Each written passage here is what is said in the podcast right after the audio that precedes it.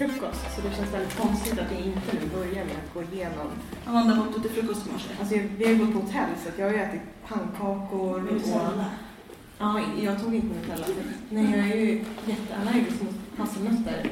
Så jag tänkte Att så kul ska vi inte ha. nej, men jag kommer hit helt uppsvullen och liksom inte kan andas riktigt. Hej! Eh, vi är Rätt Avigt, en podd om stickning och annat livsviktigt. Eh, och vi är 60 procent av Rätt Avigt. Ska vi berätta lite snabbt om oss själva? Eh, Caroline Malmström heter jag. Ehm, jag vet inte vad jag ska säga. Vad gör du annars? Jag jobbar, jag jobbar med konst. Jag är utställningsproducent. Så jag jobbar med konstutställningar och konstnärer. Det är mitt liksom, eh, brödjobb kan man säga. Och vad är du för slags stickare? En eh, pr- produktstickare, vad ska jag säga. Jag gillar att sticka eh, bärbara plagg som blir klara inom rimlig tid. Så. Alltså det gör ju jag också, men inte vem du som. Ställer du specifika frågor. Vad gillar du att sticka? Det var mer specifikt. Jag gillar, jag gillar att sticka eh, tröjor, koftor och eh, eh, vantar. Och jag har börjat sticka sockor också. En utmaning som återstår för mig är mössor. Det funderar jag på att köpa garn till. Luer. Precis. Jag ber om ursäkt för alla eventuella fake norska skämt jag försöker mig på den närmsta timmen. Vi är väldigt entusiastiska inför norskan, eh, men vi inser också att det kanske är enormt förolämpande om man faktiskt pratar norska själv. Och vår, vår norska är den här hellre än bra. Ah, ja. Alltså Amanda har ju högskolepoäng i norska så att du ska inte... Jag önskar lite att du inte hade sagt det. Det blir, det blir ju värre att jag är dålig på norska då. Alltså om jag skulle vara bra på allting jag har högskolepoäng i. Ja. Eh, Amanda, vem är du? Eh, Amanda Idberg heter jag. Jag eh, jobbar med litteratur på dagarna eh, och tidningar på en myndighet där vi jobbar med mycket med folk som eh, kanske inte kan läsa vanlig text eller kanske inte kan läsa svår text så att vi ger ut lättläst litteratur och sådär. Ehm, och som stickare är jag en person som inte kan följa mönster. Det är väl min tydligaste egenskap.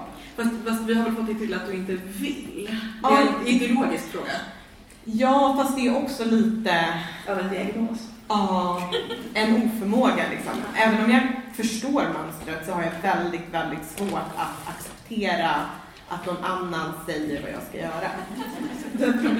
You ain't the boss of me. Så. Ja. Jag heter Julia Skott och jag, utanför podden så är jag journalist och författare. I podden så... Jag har, liksom, jag har det gemensamt med Caroline och Amanda att jag tror ganska mycket på mina egna förmågor. Jag har det inte gemensamt med Amanda och Caroline att det blir inte alltid lika bra när jag tror på mina egna förmågor. Vad har ni stickat på på sista tiden? Jag är nästan klar med en jultröja. ehm, som jag blev utmanad förra året, eller hela podden blev väl utmanade. eh, att så här, ska ni inte sticka jultröjor? Och eh, jag blev väldigt engagerad nu. Ett år senare. Ett år senare. Ja, ja, men Det är bara juling och... precis, faktiskt. jul. Men, men det var ju bara du som antog utmaningen. Mm, det kanske um, passar mig. Jag gillar ju liksom hönsestrick-känslan. Mm. Att eh, Improvisera. improvisera, skissa på liksom millimeterpapper. Och, Eller jag ska säga att den här är väl snarare i så fall Hamse-strick. Att det är Hans Gruber i Die Hard. oh, långsökt.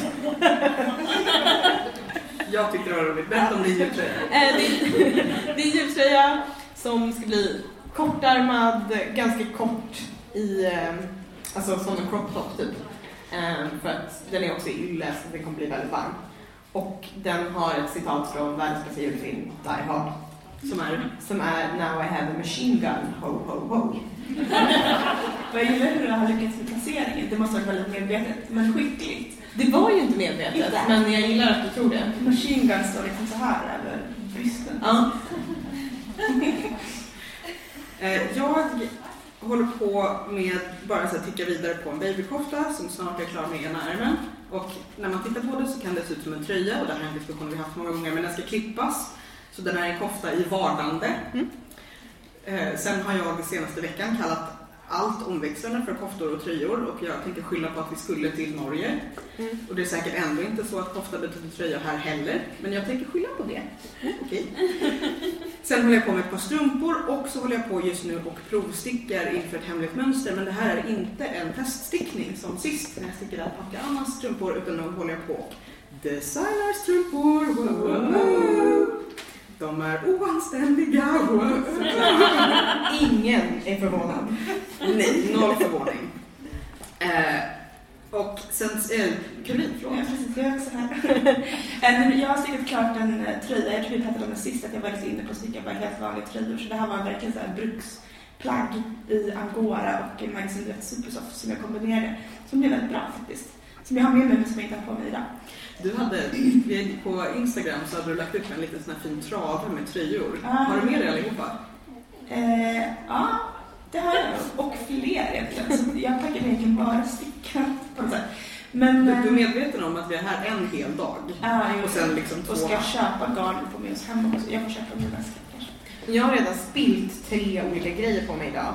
Så att jag, jag känner att jag har tagit med mig lite för lite saker att ta på sig. Du kan låna mig. Ja. Du får sticka en ny kjol ikväll. Ja. Men jag har också börjat på en ny tröja faktiskt, eh, efter att bli färdig med den här. Eh, Det är ett mönster som jag försöker att följa, för jag har lite samma problem. Kanske inte att det är aktivitetsproblem, utan det är mer någon slags kognitiv nedsättning.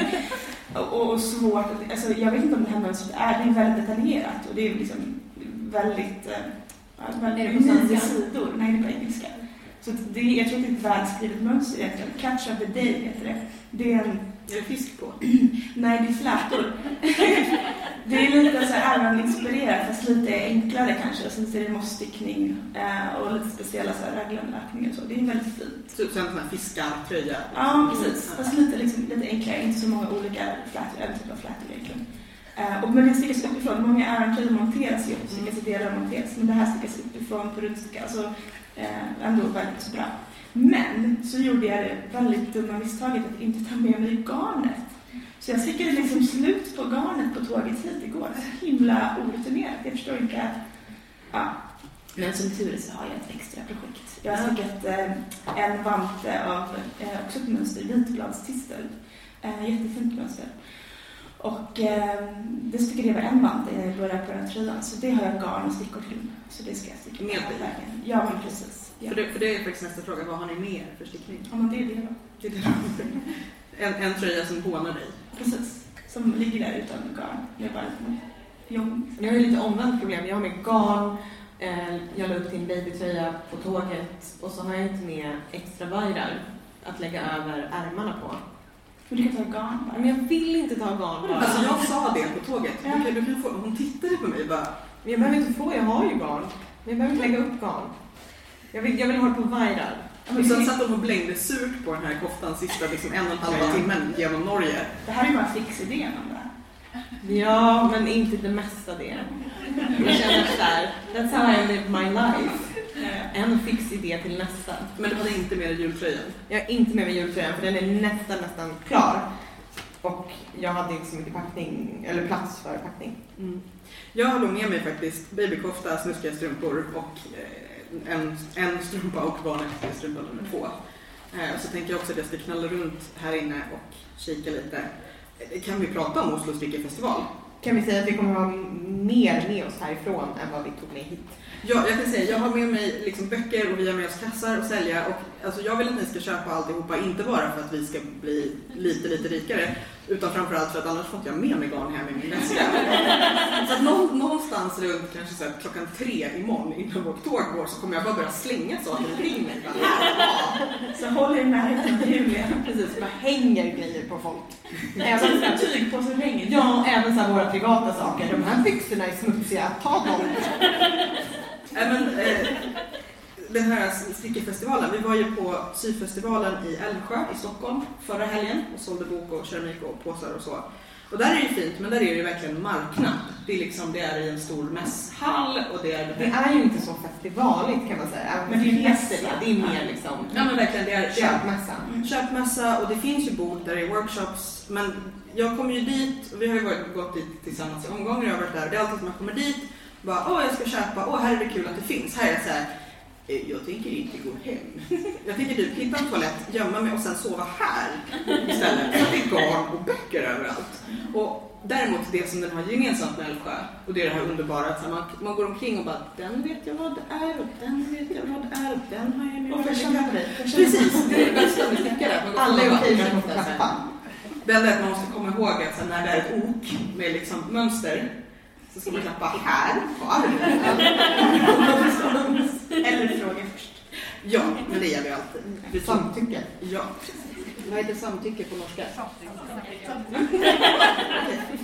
Det kunde du Amanda. Högskolepoäng. Jajamän. Väl spenderade CSN-pengar. Sen tänkte vi, vi tänkte om de av er som följer oss på Facebook, om Facebook har valt att visa er att Innocent, det här ljusför, ljusföretaget, juiceföretaget, är igång igen och tycker att man ska sticka små, små mössor av sitt eget garn med sin egen tid och sätta på, nej, skicka med sina egna frimärken till någon som då ska lägga tid på att sätta dem på små, små juiceflaskor för att det här är ett väldigt logiskt sätt att minska ensamheten hos gamla människor. Och så går vi här. Eh, vad har ni sett där på festivalen som ni vill ha förresten? Förutom allt. Eh, Katie som anordnar mycket av det här. Henne vill vi ha. Eh, precis, henne vill vi ha. Vi vill ha hennes byxor. Eh, som vi tror Är luck? är mamelucker som kanske Maja På Majas manufaktur. har designat.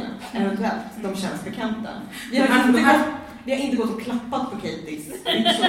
Vi har tittat. Vi har tittat på dem och bara, vi ska sticka mamelucker. Nej, Jag tänker att man får fråga. Alltså man kan ju fråga var de kommer ifrån, men man kanske inte ska fråga om vad som Nej, nej, jag tänkte att jag skulle fråga vad garn. Men ja, alltså, jag dömer inte. Jag, det är så roligt att man kommer hit och bara, oj, jag är i Norge. Nu hittar jag en fransk handfärgare vars garn jag vill ha. Så är det alltid. Men jag har hittat jättemycket fint färgglatt som, som sagt, ni får köpa mycket. Så Men vi har inte haft någonting än för jag har köpt både garn och eh, tidning. Vad har du köpt för något? Vad har du köpt för garn? Eh, Tweedy, vad heter det? Tweedy Todd. Todd. Som Todd. Swingyton? Precis, ja. Ett, eh, en härva av det. Ett soppgarn. Jättefint. spökel. Alltså fantastiska färger. Nej, jag har inte köpt någonting än. Förutom en, en macka. Jag planerar ju att gå loss hos Pickles Imorgon. imorgon och bara känna så här, varje grej jag köper är som en hämnd på Postnord. Som senast jag beställde tog en månad på sig att skicka det och sen fick jag också betala tull. Så det ligger fortfarande i arga skåpet. Du har inte gjort någonting Jag har inte gjort något av det, jag blev så arg. Så att det är liksom som en hämnd på Postnord ska jag liksom bara gå loss. Det Pickles har ju också någon sån här att om man tar en bild och lägger upp i deras fotobås i butiken är det väl, så får man rabatt Man lägger upp på Instagram. på Instagram. Men jag tänker att så här, om vi tar jättemånga bilder så kan vi kanske få en ännu. Inte säker på att matte funkar så, men eh, vad vet Inga högskolepoäng i matte va? Noll högskolepoäng i matte. Tycker jag är lite taskigt. Då låter de ändå mig lägga budget för grejer på mitt jobb. Bra där. Vi tänkte att vi skulle prata lite om stickböcker. Mm. Eh, Och då vet jag att Marte och Marte och, och flera andra, både norska poddar, bloggar och andra, har diskuterat den här extremt insatte mannen som skulle förklara för stickande kvinnor eh, vad stickböcker är för någonting. Till exempel att det är inget kreativt att sticka från mönster. Eh, och det var väl egentligen typ hela bara... Och, och också den här klassiska, hörni, har ni tänkt på att det kommer böcker med mönster i? Så han så här sticksplainade lite. Eh, vi tycker att det är trevligt med stickböcker. Eh, och så som varande den av oss som har skrivit en stickbok, även om alla påpekar när de skriver om den, den innehåller inga mönster. Så tänkte jag läsa lite ur den. Inte mycket, ni får säga stopp. Säg stopp om hon blir för långrandig. Precis. Så tacklar vi ner henne. Precis, vi börjar sjunga podd, poddtemat. Eh, och så hotade jag lite Amanda på tåget att jag skulle läsa avsnittet som handlar om ordvitsar, men jag gör inte det. Det är också roligt att här står att jag har koll på budgeten för mitt fast jag inte kan matte.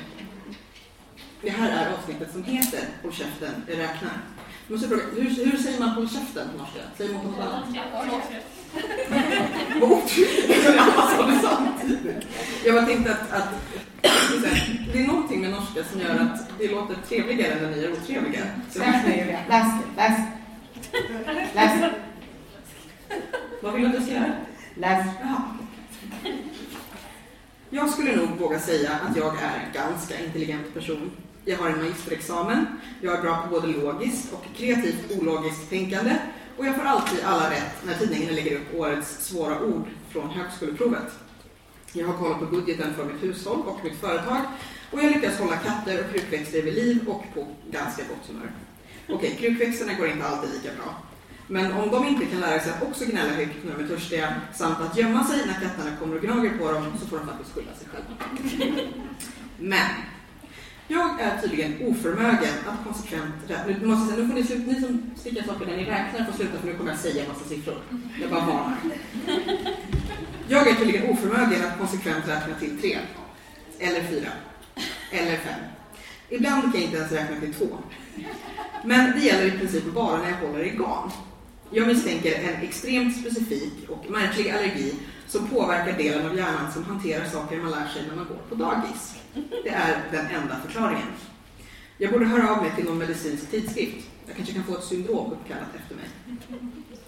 Eller så kanske det är något märkligt och ockult som pågår. Fåren och de döda dinosaurierna som lever kvar i syntetgarn och jag vet inte, något slags bomullsgudinna kanske, har lämnat en förbannelse efter sig i garnet och gör att tid och rum och siffror plötsligt inte fungerar som de brukar. Ett svart hål av inverterad och mörk matematik. För plötsligt sitter jag där, oavsett om det är en enkel ribbstickning eller ett krångligare spetsmönster, och så har jag gjort något märkligt. 3, 3, 3, 3, 3, 4. 3, 3, 3. Och så måste jag långsamt och noga pilla mig igenom hundratals maskor tills jag hittar misstaget. Ibland får jag leta flera gånger för att jag fortfarande inte kan räkna till tre. Och så får jag sucka och stånka och fixa det. Mycket suck och stånk kan det bli ibland. Det är nog det där kontrollräknandet som är värst. När man ska lägga upp maskor eller kolla av att saker beter sig som de ska. Man har redan räknat sig igenom alla de där maskorna eller varven och måste göra det igen. Har jag så många som jag borde ha? Hur långt har jag kommit? Och så kommer förstås gärna någon och vill prata med en. Har de tur har man tålamod nog att snällt be dem vänta tills man är klar. Har de ännu mer tur så kan de identifiera på håll vad som pågår och vet vad som är bra för dem och har själva tålamod att snällt stå still och tyst och vänta tills man är klar. Men ofta stormar in någon och vill något som absolut inte kan vänta ens en sekund, gärna när man har sådär en tredjedel kvar av sina orimligt många maskor och får bita sig i kinden för att inte förklara exakt vad man tycker om deras mamma och kroppsodör. Det är ju inte nödvändigtvis så att människor omkring en är onda, även om man ibland kan undra. Men ganska ofta i stickarens värld är det ju som perfekt upplagt för det där absolut störigaste skämtet som vi människor av någon anledning tvångsmässigt måste ägna oss åt. Jag är ingen helgon, jag har också gjort det, men aldrig med stickning inblandat. Om någon uppenbart sitter och räknar något, pengar, människor, pennor, maskor, så måste man börja säga slumpvisa siffror för att få dem att komma av sig och behöva börja om från början. Vad är grejen med det? Är det något evolutionärt som nu har tappat sin faktiska användbarhet men sitter kvar som en konstig instinkt? Är det som i vissa gamla myter om vampyrer, att man ska hälla ut ris på golvet och då måste de räkna varje korn innan de kan ta sig vidare och under tiden kan man hugga huvudet av dem? Definitivt oklar evolutionär fördel för vampyren där. Jag vet inte, men jag önskar att folk kunde förstå att de inte är så roliga som de tror att de är. Det är lite som att ha ett efternamn som är lätt att vitsa på. Nej, det är inte första gången jag hör den om att komma till skott. Fast det här är ännu störigare för du gör att jag måste börja om från början. Igen. Första gången var kanske inte ditt fel. Det finns helt enkelt många gånger då en stickare vill säga Håll käften, jag räknar. Och många gånger då man vill säga Håll käften, jag stickar. Eller bara Håll käften i största allmänhet. Men det är aningen svårare att komma undan med. Nu... Så kan man alltså ska backa på mikrofonen. Den här boken innehåller ju då som sagt inga mönster, bara massa ord, vilket gör folk lite förvirrade. Eh, men det har kommit väldigt mycket mönsterböcker på den svenska marknaden den här hösten och jag har för mig att det har kommit eventuellt några nya även för er. Det känns som att det alltid kommer fler i Norge nästan. Vi har ju som en idé om Norge som liksom det magiska sticklandet. Urmoderstickelandet. Ja, där Det är liksom, så det finns en garnbutik i varje kvarter. Men det är typ så. Ja. Eh, Caroline känner att hon behöver sen få prata med någon av er om hur man ser till att barn inte förstår att saker kliar. Jag tror inte att det kliar, jag tror han bara säger. Eh, Men, men det som vi tyckte var extra intressant är att två av de böckerna framförallt som vi tänker på som har kommit nyligen i Sverige som den ena heter Sticka svenska mönster och är gjord av Maja på Maja Manufaktur här uppe. Hon har den med sig. Maja Karlsson. Maja Karlsson. Jag var att säga Svensson och sen är jag inte säker på vad hon heter så jag sa ingenting. Så bra att du. Eh, Och den andra är Sticka nordiska mönster av Johanna Wallin. Eh, Sen har vi också Sticka vantar som går lite till av eh, Erika Åberg som hennes förra bok Sticka sjalar har nu kommit ut i USA som Make Swedish Shawls. Eh, Och då funderade vi lite på den här idén om idéer om nordiskhet. Vilket låter väldigt mycket som något man har universitetspoäng i.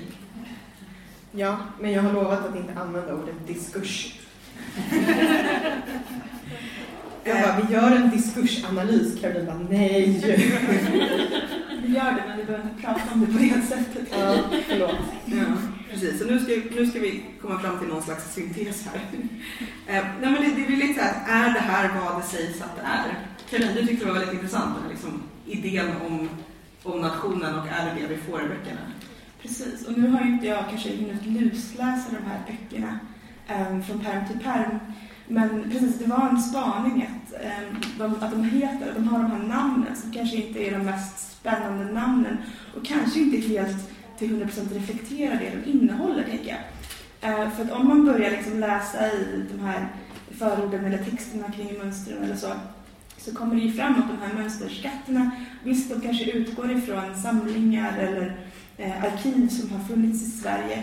Men själva de liksom estetiska elementen och teknikerna har ju rest runt världen egentligen. Och är en del av en mycket större eh, sticktradition som också har funnits. Alltså jag menar, stickningen kommer ju inte från den geografiska platsen vi kallar för Sverige. den kommer ju från en helt annan del av världen egentligen. Um, så det vi kom fram till i vårt snabba försnitt var ju så här, men är det här lite en strategi för att kanske sälja dem på en utländsk marknad och så? Men det är ändå intressant att prata om tycker jag. Eh, vilken, också idag med ehm, eh, liksom det här mer och mer förekommande pratet om eh, nationen och vad det innebär att vara svensk eller norsk. Och eh, liksom vilket sammanhang eh, och hur, hur det påverkar vårt språkbruk, tänker jag också. Ja, men vad, vad är en nation? Vad innehåller idén om ett, ett svenskt stickmönster eller ett nordisk, en nordisk samling stickmönster? Ehm, för det är ju väldigt svårt att avgränsa. Om man inte är så här, en tjock strumpa. Plus att också Sverige och Norge har ju varit liksom mer eller mindre samma en period också. Så jag tänker så här, det Don't som, mention the war. det vi inte det, men det som vi säger är Sverige idag. Den fick hänga med. Det har ju inte alltid varit de liksom, platserna. Finland har ju också varit Sverige till exempel. Ja, Finland har ju mer varit Sverige egentligen. Precis. Men till exempel Historiska museet i, i Sverige, de, de samlar ju bara föremål från det som är Sverige idag egentligen. Det är deras uppdrag. Men Sverige har ju sett annorlunda ut. Ja, och också väldigt många av dem, in, inte bara att det, det, delarna har sett annorlunda ut, utan också väldigt mycket vandrar ju. Ja. Alltså man ser utöver att vad ska man säga, nordnorsk stickning är, gissar jag, annorlunda från sydnorsk stickning, men också så här, nordnorsk stickning på 1700-talet är annorlunda än sydnorsk stickning 1920. Eh, och du har mönster som dyker upp på flera ställen i världen. Antingen för att alltså, du har estniska mönster som påminner om saker som dyker upp i delar av Sverige som kan vara både för att du har haft handelsresande eller eh, väldigt duktiga hantverkare som har rest men också någonstans här, ja, det växer samma blommor på ungefär samma, Ja. liksom, Ja. på samma, i samma, vad heter det, vårlängd? Breddgrad. Breddgrad. Så det är, så att det kanske inte är konstigt att man här, vi har björkar och hundkex. Då kanske det inte är konstigt om man får liknande blommönster på, på stickning. Men jag tänker också på att Eller samma blommor att färga med. Precis som du var inne på, att när, när man tittar i böckerna så kanske om man bara hade bläddrat i, i bland mönstren och, och läst liksom texterna i mönstren så är det kanske inte det svenska eller det nordiska som man slås av, utan det är Vad helt är andra saker. Vad är ja, men, ja, men precis, vad är det? och vad säger det om att förlagen kanske väljer att paketera, att säga så här, den här samlingen mönster, vi, vi, vi väljer ut de, de med svenska anor, jag gör otroligt mycket luft, liksom, Mm. hartänder här, men vad säger det om tiden just nu, att det är så man marknadsför böcker, att det, det är den Det är rubriken liksom. Ja, unique selling point.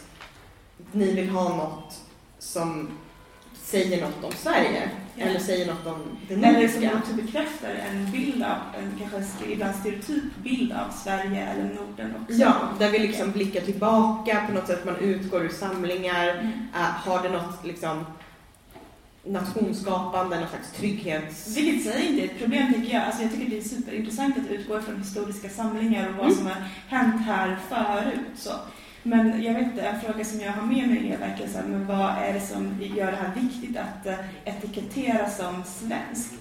När det är jättestora skillnader kanske mellan Dala-Floda eller Halland, eller alltså olika delar av det här stora landet. För det, för det som jag tänker på också, att det känns som att man vill vi vill vara jättetydliga med, och det här pratade vi om innan, att det här handlar inte om att eh, kritisera vare sig Johanna Wallin eller Maja Karlsson eller förlagen i sig. Gud nej. För det är inte så att heller att man kan kräva att så här, ska du göra en bok med mönster måste du också ha en liksom bilaga på 600 sidor till där du problematiserar idéer om midjor. Men mönsterböcker behöver inte också innehålla diskursanalys. Nej. De, de får, men Det vore i spännande. Det är spännande men det är okej att vi bara utsätter dem för det. Ja. Precis. Nej, men för, för det, jag tänker på också att det blir ju verkligen den här idén om, vad ska man säga, svensk design och svensk estetik. Eh, precis som när i andra delar av världen när man pratar om liksom skandinavisk design så tänker man Danskt. dels det, men också när det blir så här, ja det här väldigt liksom 50-60-tals rena, Mm. Eh, och även idag säger man det är vitt. Och så tänker man att jo, men både under hela den nordiska historien eller den svenska eller danska eller norska historien så även på 50 och 60-talet så fanns det hem som inte såg ut så.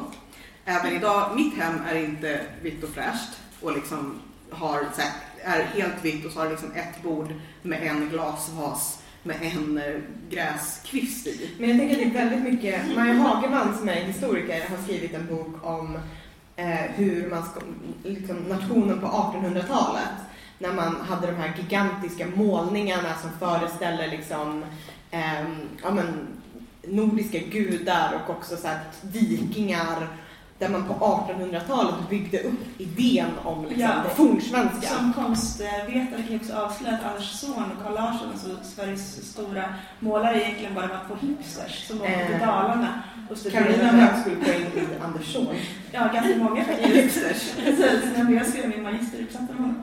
Ja, men det, är så här, åka, det, det är ungefär som när man, titta man åker från stan och bara oh, titta här lever de Ja, äkta. precis, att det blir en ganska så här eh, objektifierande, exotiserande blick egentligen utifrån från en storstadsperson på den, de här, den här gamla, liksom, de här gamla spåren av folkkultur som han var med och lyfte upp och som passade väldigt bra in i samtiden när det var liksom viktigt, eh, alltså hela nationalromantiken är ju egentligen en konstruktion eller liksom en idé. Men gör vi lite samma sak fast vi tittar tillbaka på 40-50-tal liksom, ehm, när vi bygger Hammarby sjöstad i någon slags låtsasfunkis. Nyfunkis, precis. Ja. Ja. För där tänker jag att det, det som jag har, film, jag har högskolepoäng i filmvetenskap som tycker jag pratar TV lite. Eh, nej, men om man tänker i Mad Men, Mm. det som folk älskade med scenograferna där var ju att de förstod att ett hem på 60-talet är inte inrett i ren 60-talsstil. Utan det har liksom ärvda saker från dels seklet innan men också 30, 40, 50-tal. Att det är eh, när Meghan, den unga frun, får pengar, hon köper en nybyggd lägenhet och köper 60-talsdesign.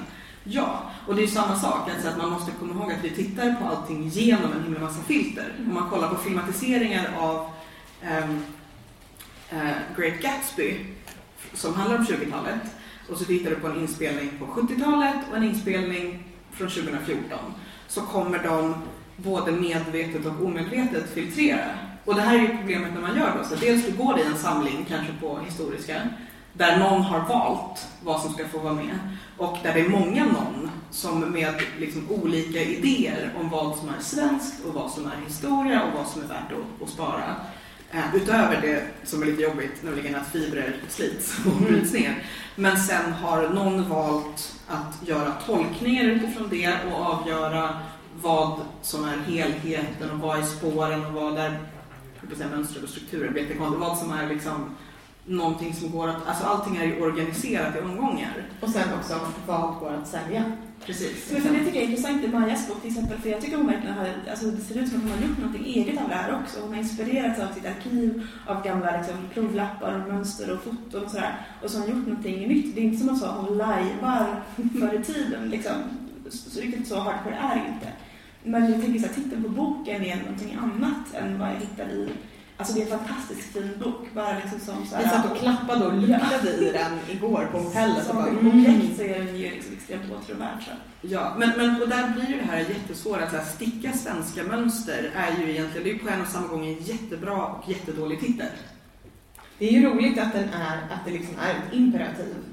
Att det är... Men det är ju de flesta stickböckerna. Ja, alltså just nu, alla är så här, sticka det här. Att det liksom är en, en, En uppmaning. en uppmaning. Som imperativ tänkte du, det är iklädd diskurs. Förlåt.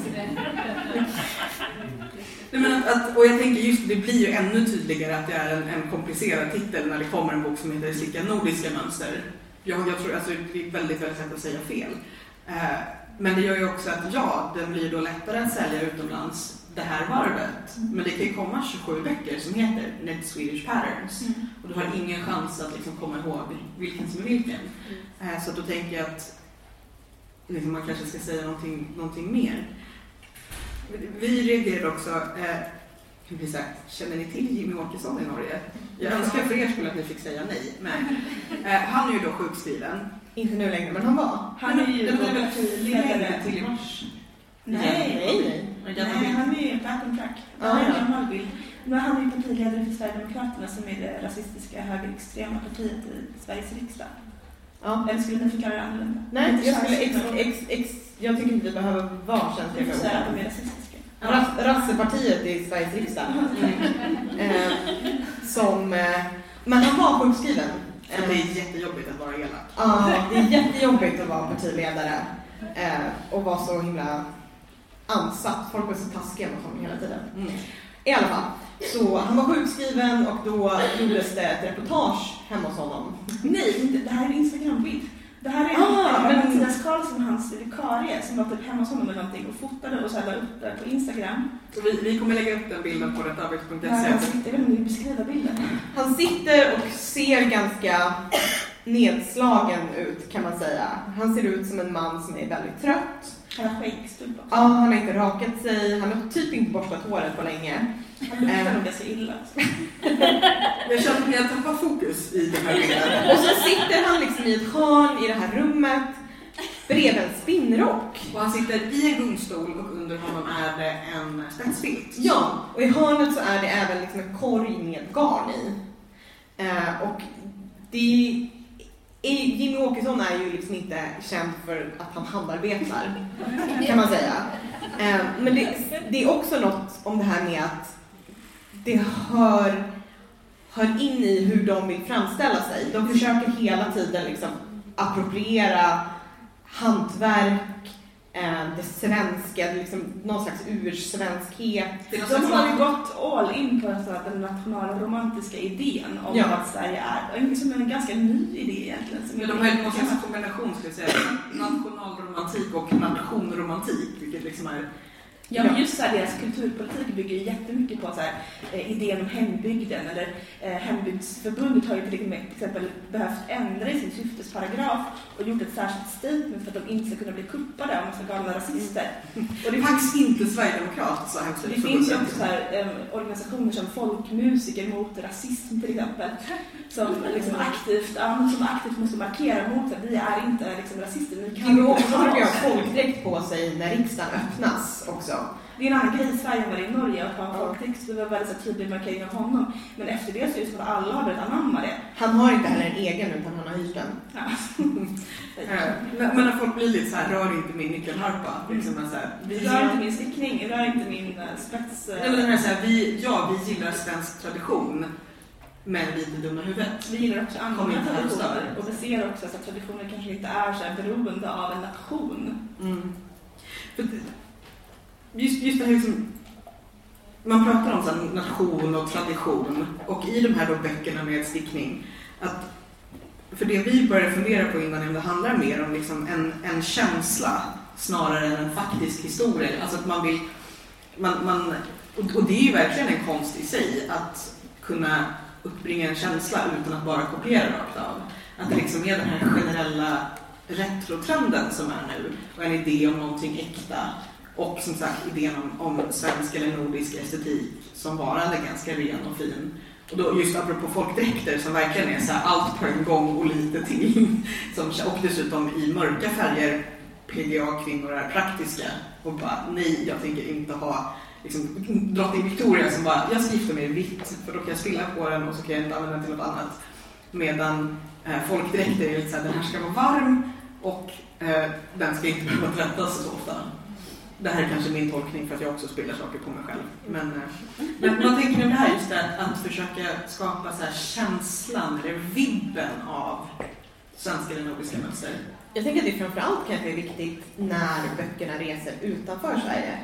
Att eh, när det säljs, om det säljs på amerikansk marknad, jag vet inte om på norsk marknad kanske det inte är, ni vet så mycket om Sverige. Det är liksom, ni blir inte såhär, jaha, det är sånt de gör här. Men i USA, Och kanske också så här, svenska mönster. Nej, det är bra tack. Vi har, vi har egna, de är bättre. ja, men, men typ som i amerikansk film eller typ Gilmore Girls eller Veronica Mars när de går på college och så har de fester där, där de är olika länder. Typ. Och då är det alltid så här, liksom, den typiska liksom, bild, nidbilden eller liksom den pittoreska bilden av ett land. Och lite där tror jag att man hamnar, att det är så quaint. Liksom. Mm. Men jag, det, jag tänker att det är också svårt när, man, när det just antingen ska vara så här. Det är klart att du kan, eller ja, just det kan man väl inte för den är skyddad, men så du kan ge ut en bok med Marius-koftor i olika färgställningar. Men vad ska någon med det till? Eh, eller du kan ge ut extremt traditionella mönster, eller så får du ge ut någonting extremt nyskapande. Men, men att liksom hitta däremellan, att skapa vibben. Liksom. Jag tänker förlåt, att det inte behöver finnas en motsättning mellan att vara intresserad av historia eller historia från den här platsen och liksom vara en del av samtiden och en så här, kanske mer kritisk eh, diskussion. Ehm, tvärtom så tänker jag att det är då det kan bli väldigt spännande för att så här, historia är ju någonting som konstrueras som vi bygger utifrån vart vi står just nu, den samtid som vi står just nu och vad som liksom lyfts upp som så här, historia, vad som lyfts upp som viktiga händelser. Ehm, det är ju inte allt som har hänt, utan det är ju vissa saker. Det är vinnaren som skriver historien. Ja, men- Och det är väldigt sällan En kvinnan som skriver Till exempel, historien. ja men precis. Det finns ju ganska många problem med den historieskrivning som har varit hittills. Liksom. Så att, att vara liksom, eh, samtida men samtidigt intresserad av historia behöver inte finnas. Liksom. Det behöver inte vara motsättning helt enkelt. Ja, nej, och man kan ju, det finns ju alltid jättemycket ballt att här, inspireras av. Eh, för att ibland tänker man så att utveckling betyder att det som kommer efter är alltid bättre. Ja, men så är det. Och så är det ju verkligen inte. Eh, men vad känner ni att ni skulle vilja, vad känner ni saknas då? Om man tittar i både liksom, utgivningen som har kommit den här hösten eller den här idén om samlingen. Jag blev lite så att jag vill ha typ, dels så skulle jag vilja ha eh, en, liksom, en, en tidslinjesamling. Alltså om man i så fall istället skulle ha så svenska eller nordiska mönster från olika perioder framåt istället för att bara försöka göra en helhetsöversikt. Så här är det nordiska mönstret. Eh, men också olika delar av Sverige eh, eller Norge eller Norden. Men sen blev det också lite så här, men persiska mönster. Eller, eh, jag pratade i Nördig Knitting om att jag är lite sämre än jag borde vara på min egen historia på ryska mönster. Att sånt är också jätteroligt för att det blir lite så här, men är, är svenska mönster bara mönster som har designats, stickats eller burits av någon i Sverige så finns det ju mycket, mycket mer. Och vi har ju dessutom snott väldigt mycket från folk som har rest hit. Jag är väl lite... Jag, framförallt sen tänker jag så här, förlagen borde inte lyssna på mig. Ingen borde lyssna på mig eftersom jag inte stickar efter mönster. Men, ehm, Men du kan läsa texterna däremellan. precis. Du läser bara för artiklarna. Du jobbar ju på förlag, så viss trovärdighet har du. Jag vet, men det är kanske därför jag också har insikt i att jag inte är någons målgrupp. Men jag skulle kanske vilja se något så här framåtblickande lite. Att jag, samtidigt så älskar jag ju så här all retro grej liksom. Jag klär mig ju som någon slags, Precis, vet när, inte, när är det här mönstret ifrån? 50-tals live hela tiden. Men Fast jag vet inte om du alltså, gör det, för det, det känns som att det finns lite samtida element. Liksom. säger hon och pekar på mina tuttar. eh, för er som bara lyssnar på podden. Ehm, ja, men kanske, kanske retro att vi bara tittar, alltså ska vi titta tillbaka på 80-talet liksom? Det är ganska länge sedan nu. Eller ska vi titta framåt? Alltså att Men vad du suckar, det är jättespännande. Nej, nej, jag var bara så 80-talet är länge sedan och så kände jag mig Ja, men vi är gamla nu. Eh, nej men att, eh, ja och lite liksom framåt. Men Vart är, vi, vart är vi på väg? På spåret. Ja. Men jag tänker också så att titta, titta bakåt men också just sagt, inte på designklassikerna eller på mönstren som någon annan har sparat. Utan titta på, titta på det som ingen gillade och Fast jättekonstigt. det är det som sker också. Ja. Jag hugger in här, men det är precis det som sker. Alltså, flera av de här böckerna utgår ifrån liksom, existerande samlingar, alltså sorts folkkonst på något sätt. Vilket är väldigt spännande också, så det är inte den idén jag är emot. Men jag tänker just att, här, att om man skulle titta på 80-talet att då kanske inte titta på de grejer som vi alla minns och liksom skulle identifiera som 80-tal eller om vi skulle liksom försöka skapa känslan av 80-tal. Utan kanske titta på saker som inte var pastell, alltså jag älskar ju pastell. Men liksom, alltså den att titta på vardags 80-talet, att man tittar på närhistoria, inte på det som vi alla Jag menar att inte titta på liksom prinsessan Dianas bröllopsklänning även om den verkligen är liksom ikonisk. Tänk om man skulle sticka den. Nu pratar vi också gå beyond någon slags stereotyp ja. Ja. Jag är lite inne på som en så här konstperson som ändå är alltså, lite så här vilda koncept eller te tematiker Mm. istället. Där man verkligen kan blanda från olika historiska epoker eller kan blanda från olika eller som Anna Malt som är här som säljer sin Penguin-bok. Där hon bara, pingvin, bra koncept. Vi gör en hel stickbok utifrån det. Helt liksom eh, random, men jättespännande egentligen. Mm. Jag tänker också att det jag skulle vilja se är att man också utgår från historiska samlingar, klassiska mönster från liksom, eh, delar av, av världen, delar av Norden, men att man inte utgick från de stickmönstren. Utan att man tittar på broderier, väv, eller det är lite för nära kanske, men, men också så här, alltså fullbitsmåleri. Andra typer av tekniker. Precis, men ofta så har ju för den ändå skulle jag säga. Precis, men att, att man skulle se så här, okej, eller för den delen så här, okej, men om jag vill titta på eh, Frank Lloyd Wright, Mm. jag vill göra Mm. 60-tals arkitektur, Ja. men som stickning, Mm. och då på olika sätt. Eller lite som när man, när, eh, man gör typ nagellackskollektioner. Typ såhär, OPI-teamet åker någonstans, till typ, de åker till Tokyo och sen inspireras de och så släpper de en nagellackskollektion. Då ser ju inte den ut som Tokyo, den är ju inspirerad av det. Liksom. Och li, ibland så kanske stickning blir lite väl bokstavligt. Mm. Fast där, nu känner jag att, att precis som jag vill ju jobba på de som ger nagellacken namn i de OPI-kollektionerna. jag med. Som, jag har en lila som heter Do you have this color in Stockholm? Och liksom, jag älskar ordvitsar. Jag har alltså ansträngt mig så mycket att inte försöka ordvitsa på norska för det skulle bara haverera. Eh, Men även där att just som du säger, liksom att hitta teman och namn och så på, på Mm. stickning. Eh, Och kanske mindre bärbara saker. Att liksom göra galna grejer. ja. Stickning. West. Fick in ett hus. Eller vad menar du med inte? Ah, du menar bära. Jag att de inte kan bära Stationär är jättestora. Nej men att, att det kanske liksom ska vara så här inspirerande over the top grejer också och sen så får man så här själv skala ner det till sin egen bekvämlighetsnivå. Alltså, lite som skulpturer. eller? Ja. Eller som, som att, att det blir som med mode, att du har grejerna som fashion. Att du har grejerna som går på the runway, men som i Djävulen var Prada. Liksom, så Mm. Den här, det, det, det, det trickle down. Det är att här, och det är väl lite det som det blir med vissa vansinniga stickdesigners. Mm. Mm. Alltså, det här är inte riktigt vad jag kommer göra. Men, Fast jag tycker man kan vara, jag vet inte heller om jag är tillräckligt påläst, men jag tänker att man kan vara mer spännande. Alltså det, är liksom, det som är mer framåtblickande inom stickning idag, det är antingen så här skittjock, skittjocka garner och stora flätor. Typ Sandra Backlund, Ja. som inte är ny egentligen, hon har på sig 15 år eller någonting, Mm. så det känns ju inte nytt ens. Eller så är det så jättetokiga färger. eller bara så här, konstruktioner där man lite så här, att någon kommer att fastna i den där. Där man har sett de är snygga och vinda. För det som, det som vi pratade också lite i förväg om, så här, att, ja, men hur ska man vara framåtblickande och nyskapande i stickböcker? Där problemet är att, eh, vilket Vi, vi vet eftersom vi har jobbat med förlag. Nej, men att det är ju skitsvårt att vara nyskapande och framåtblickande i någonting som kan ta upp till ett år att göra klart.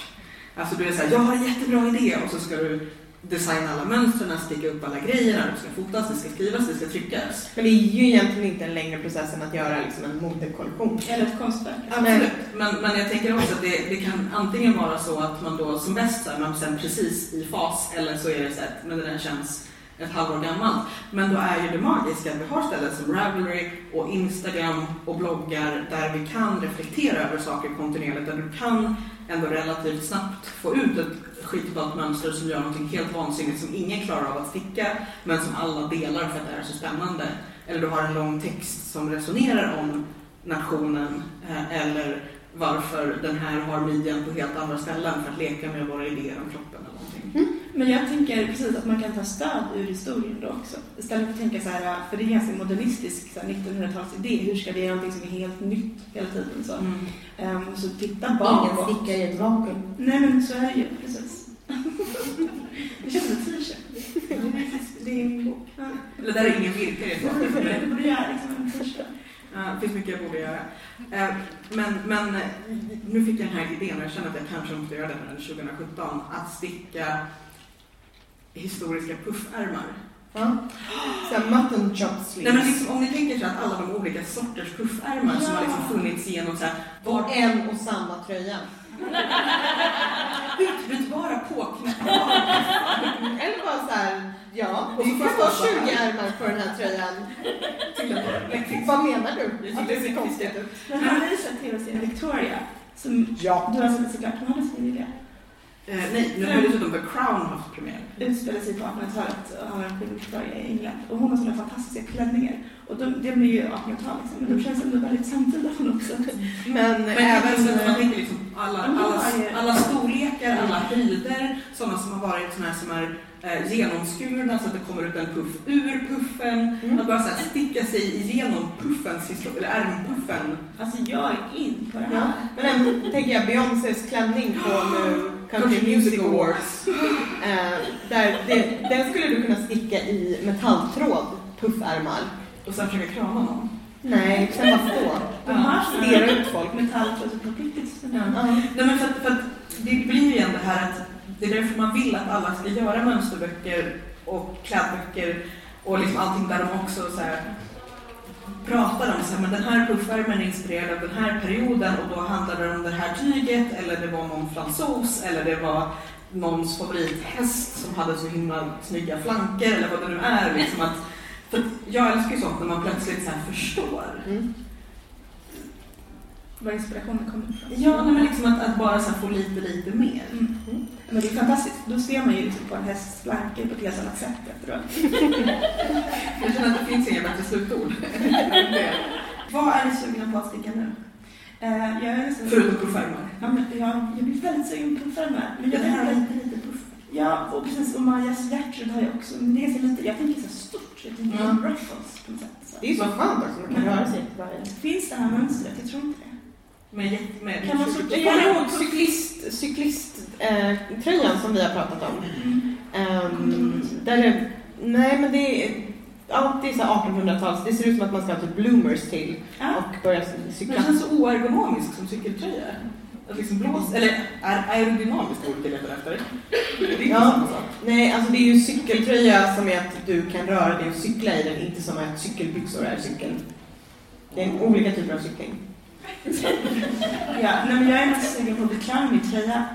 Det är lite så här knasigt att, egentligen att jag kommer på att jag sticka massa tröjor nu när min mage håller på att expandera. Så att egentligen kanske jag borde åka gå till koftor snabbt, men jag ska göra det här lite roomy liksom. Eller så, så gör du så att du har en tillfällig liksom, avmaskning ner till så du kan plocka så att den är jättekort nu i sex månader till. Och sen plockar du upp och bara okej nu.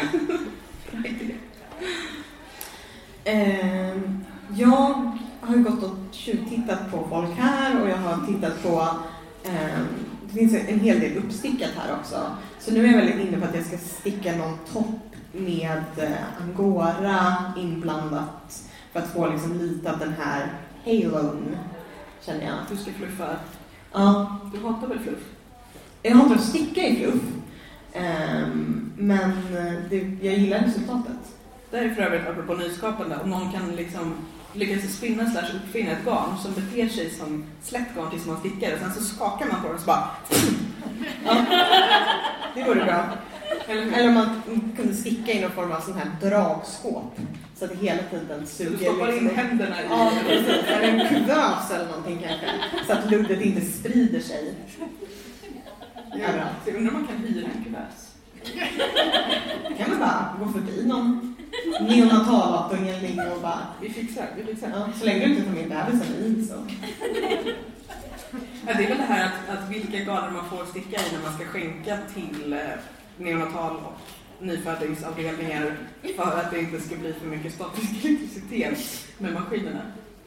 Nu tappar jag fokus någon Jag har en eh, ny stickmaskin som väntar på mig där hemma. Ooh. Som apropå Postnord behöver vi inte prata mer om det, men den var lite krånglig att få, få ut. Den liksom gömde sig på olika ställen runt om i södra Stockholm. Ehm, men den tänker jag, den har hålkort.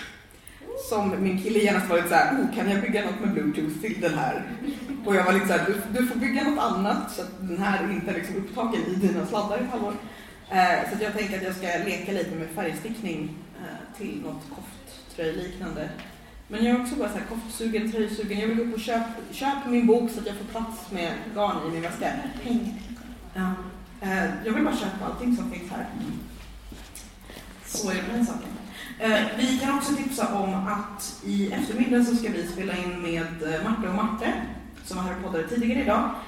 Och Dock inte live. Dock inte live, eller jag tror vi gömmer oss så att ni inte kan höra oss. Så att ni, eh, eventuellt så gör vi då så att vi spelar in ett enda avsnitt som hamnar i båda poddarna.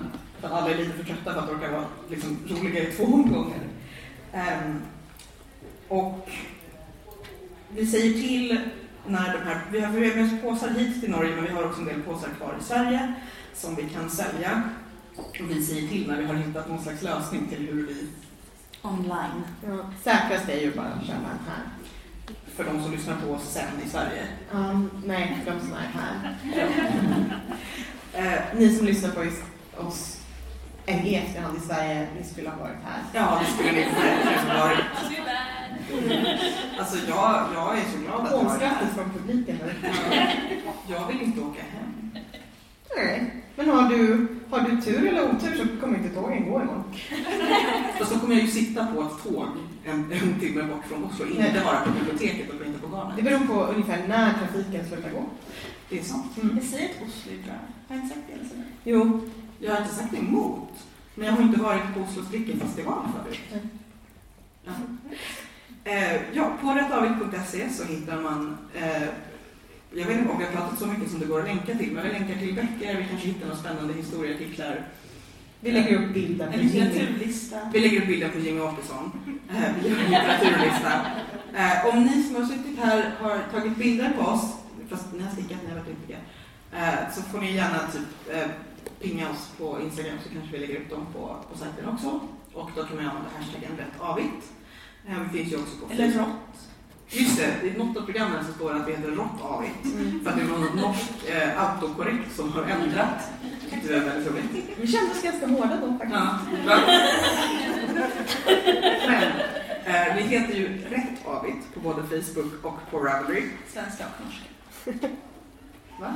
Det är både på svenska och norska. Podden heter som sagt på svenska och norska. Nu blev det komplicerat. Ah, nej, fortsätt. Det finns, Carry on. det finns väl inget ä Nej. på det sättet? Carry on. Alltså, jag är en björn mycket liten hjärna.